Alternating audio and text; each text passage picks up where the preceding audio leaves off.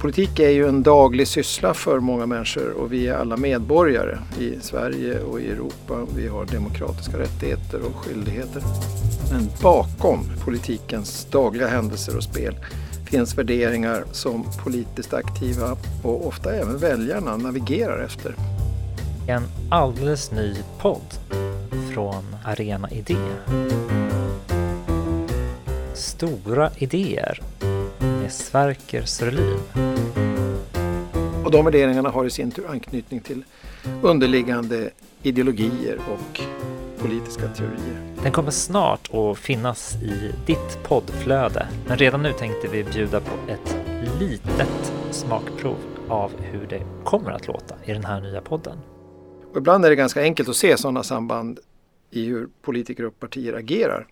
Och det är vi ganska vana vid tror jag också de flesta. Men ibland är det inte alls lika uppenbart och på senare tid med det parlamentariska läget som vi har i Sverige så har det ibland gjorts kompromisser och överenskommelser som man undrar hur de egentligen går ihop med olika partiers ideologiska kompass. Det kan bli ganska konstigt och, och därför i den här podden ska vi eller bland annat därför i alla fall, ska vi ägna oss åt just det här, alltså idéerna bakom och under politiken.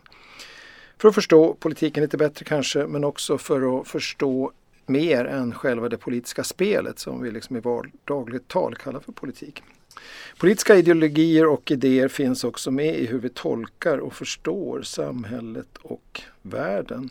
Alltså även i de många avseenden som inte alls har egentligen att göra med partipolitik.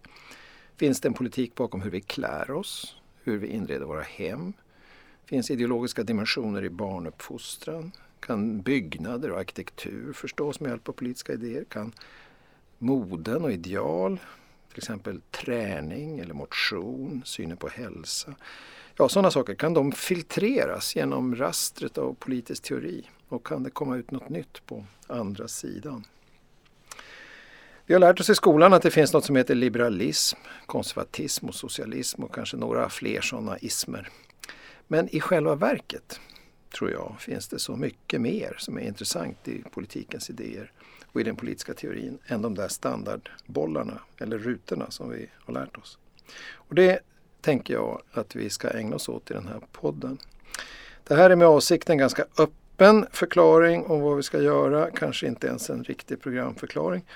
Men framförallt är jag nyfiken. Jag har länge tänkt att allt eftersom det politiska landskapet blivit allt brokigare och mer svåröverblickbart och allt svårare att förstå sig på egentligen för alla tror jag och kanske även för experter.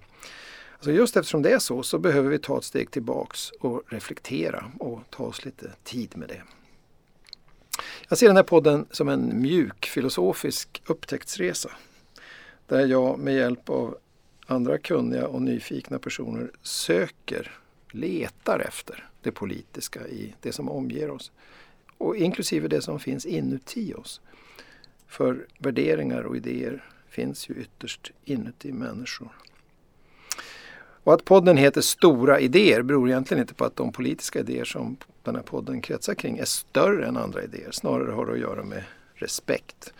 I det skenbart banala eller obetydliga finns ofta stora och viktiga frågor gömda. Politik handlar trots allt om det som är gemensamma angelägenheter. Och vad politiken gör betyder kolossalt mycket för var och en av oss. Och en del av idéerna bakom är ganska stora också och deras följdverkningar är också ibland stora. Så välkommen till Stora idéer säger jag som är värd för podden och alltså heter Sverker Sölin.